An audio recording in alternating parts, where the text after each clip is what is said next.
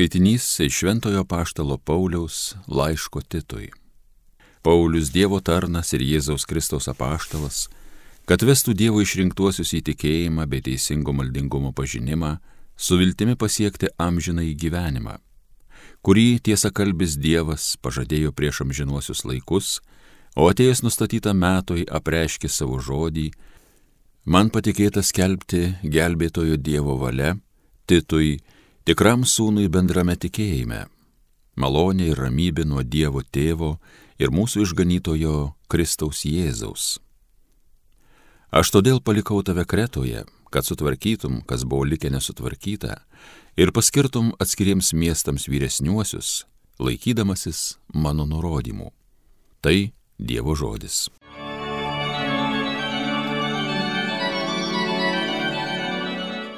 Skelbkite tautoms nuostabius viešpaties darbus.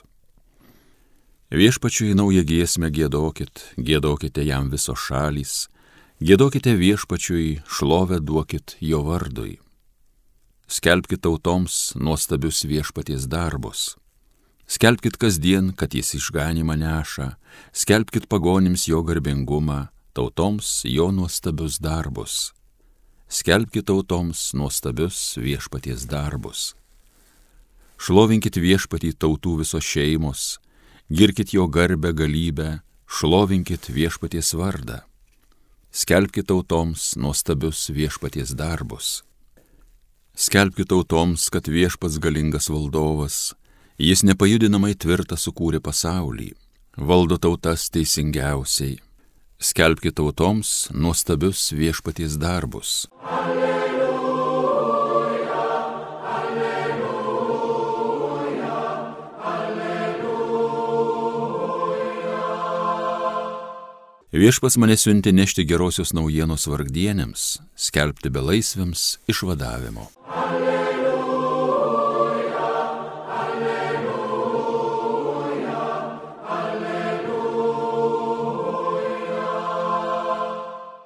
Viešpats su jumis iš Ventosios Evangelijos pagal Luką.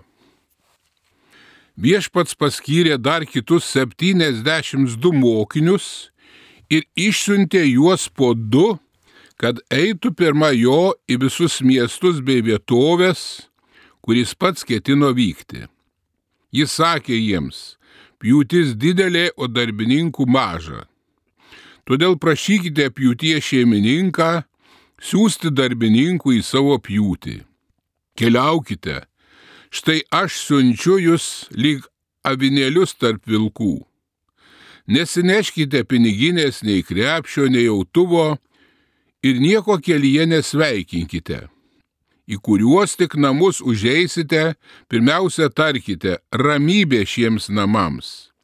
Ir jei ten gyvens ramybės vertas žmogus, jūsų ramybė nužengs ant tų namų, o jei ne, sugrįž pas jūs.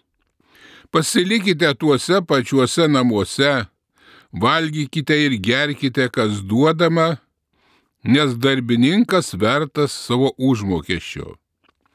Nesikilnokite iš namų į namus. Jei nueisite į kurį nors miestą ir jūs priims, valgykite, kas jums bus padėta gydykite to miesto ligonius ir sakykite visiems, jums prisartino Dievo karalystė. Tai viešpaties žodis.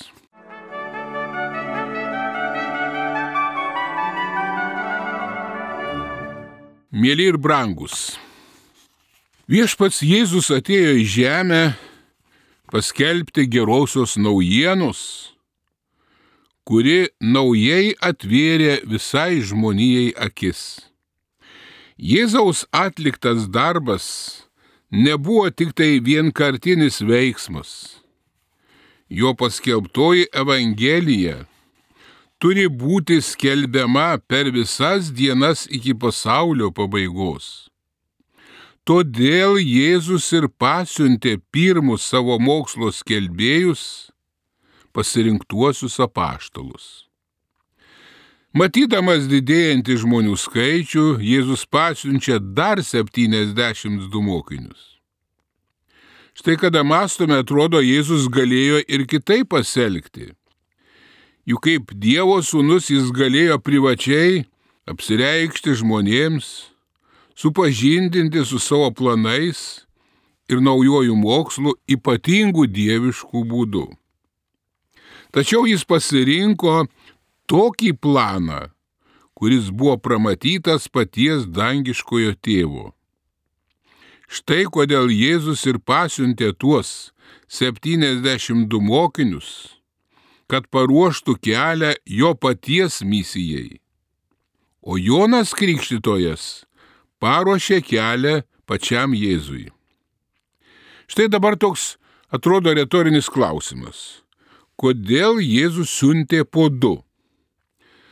Jis tai pasielgė todėl, kad padidintų pasitikėjimo autoritetą. O be to, juk vienam daug daugiau sunkiau pakelti įvairius gyvenimo sunkumus, kelbiant naują mokslą, nes juk visada atsiranda prieštaraujančių ir net priešų. Tas, kuris išgyveno susitikimą su gyvuoju Kristumi, dega šventosios dvasios ugnimi, kad kuo greičiau galėtų pasidalinti tuo, ką jis pats savyje turi su kitais. Tokiam žmogui labai svarbu, kad jo darbo vaisiai būtų pasiekmingi. Štai kodėl pati krikščionybė remiasi ne vien į patį istorinį Dievo realumą, bet per Dievo sūnų Jėzų Kristų į žmogiškąją realybę. Pasiustieji mokiniai turėjo mokyti, liūdyti apie Dievo ir artimo meilę. Juk labai sunku prabilti apie meilę Dievui, neparodant meilės artimui. Toks dangiškojo tėvo planas tas didysis O Jėzus kaip tik žemėje gyvendamas ir renkasi savo darbo tesėjus.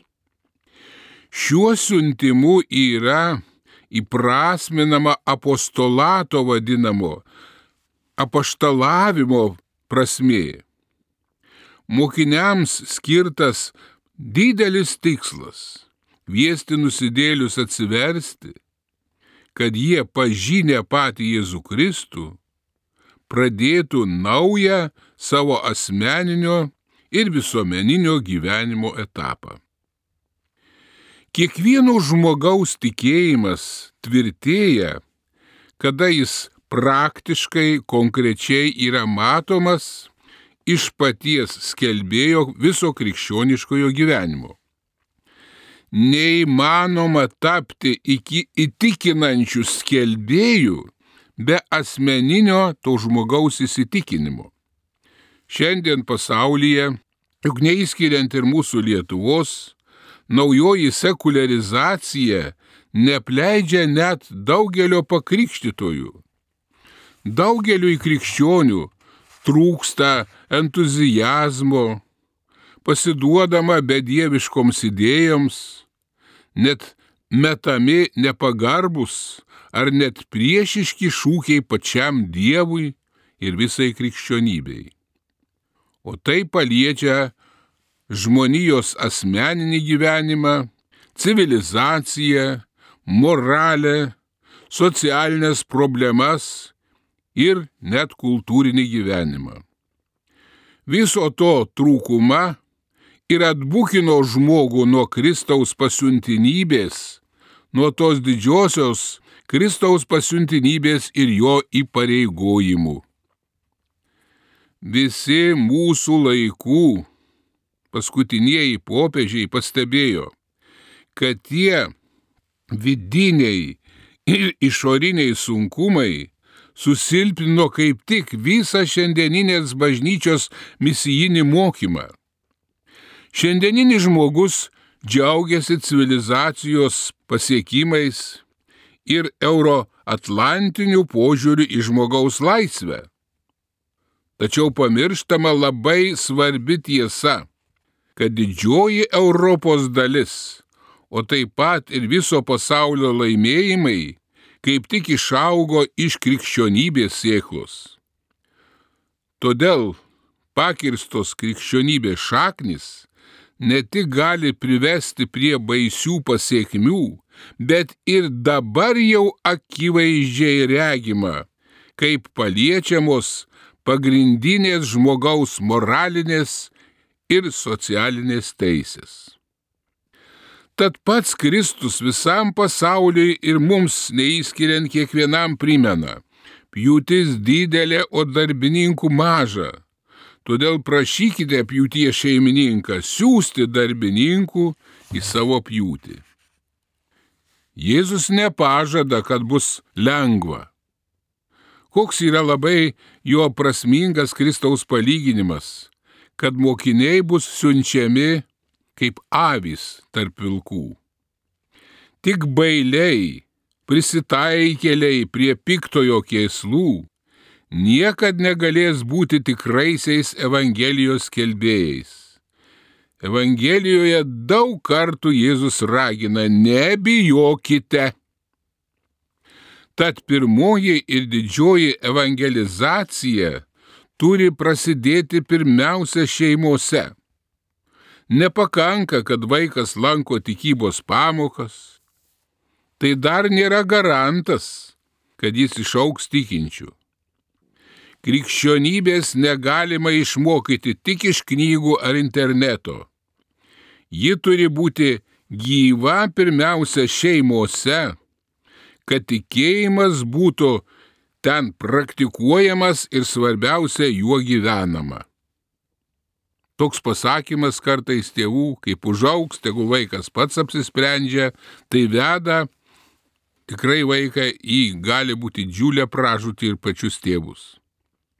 Tas pats pasakytina apie visus, kurie auklėja vaikus ir jaunimą - mokytojus, katechetus, auklėtojus, kunigus, vienuolės, draugus, net giminės ir kitus artimuosius, su kuriais bendrauja vaikas ir jaunimas. Tik gražiausi asmeniniai pavyzdžiai patraukė, o ypač tokio skelbėjo gyvojo Dievo žodžio, kuris pats asmeniškai ir nuoširdžiai bendradarbiauja su Dievo malonė. Tai didžioji mums visiems pasiuntinybė ir svarbiausia brangiai didžiulė atsakomybė ir asmeniškai, ir už savo tautą, ir už visą pasaulį.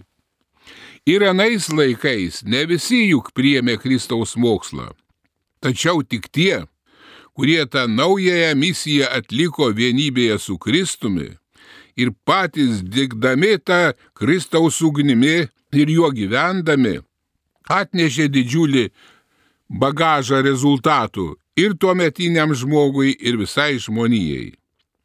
Tad mums, brangieji, didysis uždavinys - patiems gyventi pavyzdingą krikščionišką gyvenimą ir nepamiršti, kad pjūtis didelė, o darbininkų maža. Amen.